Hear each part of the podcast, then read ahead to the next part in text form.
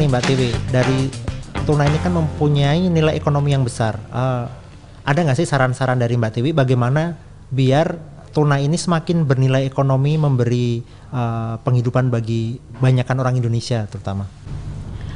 Jadi uh, mungkin saya karena saya peneliti gitu dan saya punya saya punya kepentingan tapi juga ini punya negara punya kepentingan di situ seharusnya uh, apa ya data-data uh, perikanan di Indonesia itu yang ada titik lokasinya itu bisa open untuk uh, peneliti lintas kementerian. Jadi uh, eksplorasi yang kita lakukan juga memiliki data yang cukup, uh, data uh, long time uh, series yang panjang gitu. Jadi uh, apa ya mimpi untuk bisa menciptakan uh, kapal perikanan yang terintegrasi dengan penelitian seperti halnya di negara-negara maju itu bisa terwujud gitu. Oke, jadi memang cenderung data itu di keep masing-masing ya, ya. riset sendiri untuk sendiri. iya, uh, bukan riset sendiri, tapi uh, apa namanya perikan uh, si company perikanan kan ada yang swasta ada yang negeri. Mm-hmm. Nah, yang swasta ini mereka nggak mau sharing data karena itu kan rahasia pribadi. Nah, untuk yang negeri ini mereka bisa sharing data, tapi uh, sampai sekarang pun digitalisasi data belum ada, mas. Hmm. Itu dan apa ya uh, reorganisasi data dari kertas menjadi digital gitu mungkin perlu dilakukan okay. uh, satu satu persatu ya dicek perusahaan perikanan uh, yang milik negara itu di mana aja dan harus di store ke ini ya uh, peneliti kayak gitu seharusnya bisa dilakukan sih. Gitu. Oke jadi memang ketika semua digitalisasi dilakukan seharusnya data di uh, penelitian atau riset tuna ini dilakukan juga gitu mbak ya? Iya iya karena uh, apa kita input data kertas itu ke data digital itu time consuming banget. Hmm. sangat membuang waktu gitu. Jadi saya dulu zamannya masih kuliah saya input data tahun uh, untuk hanya untuk lima tahun data harian lima tahun. Itu satu bulan saya kerjain dari gelap jam 7 pagi sampai jam 2 siang.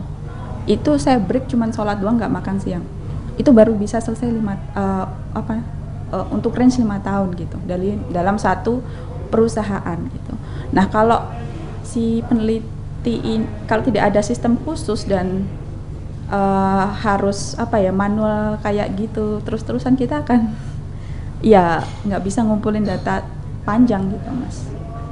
Oke jadi memang ini PR atau pekerjaan besar ya? Iya pekerjaan uh. besar.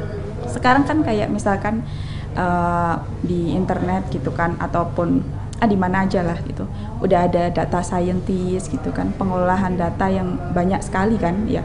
Karena dari data itu kita bisa uh, membuat model gitu. Bisa bisa membuat prediksi apa yang akan terjadi kemudian antisipasi apa yang harus kita lakukan itu bisa uh, kita kerjakan dengan uh, data seperti itu. Kebijakan misalkan kebijakan pemerintah contohnya, kebijakan pemerintah yang ada di Surabaya contohnya.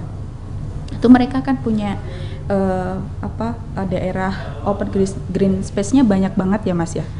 Itu dengan uh, data citra kita bisa tahu oh perkembangan uh, daerah open green space sekian dengan uh, perkembangan daerah seperti ini oh su ternyata tekanan panas daerah situ suhunya menurun loh sekian dengan effortnya si apa namanya Bu Risma pada waktu itu gitu. It, itu bisa kita kerjakan semuanya dengan data gitu. Oke. Okay. ada harapan atau kalimat penutup uh, sebelum saya tutup podcast kali ini?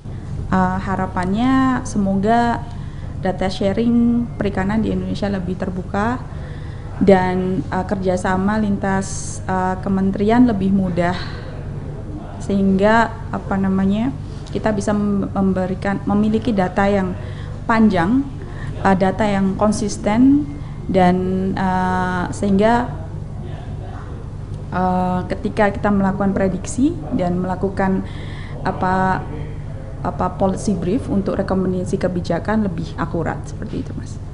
Oke, saya ucapkan terima kasih atas kehadiran Mbak Tiwi di podcast Berisik kali ini. Dan Sobat Antara terus pantau uh, dari berita Antara yang cepat, akurat, dan penting. Dan saya Anu Prihantoro beserta kru yang bertugas, pamit undur diri dan sampai jumpa.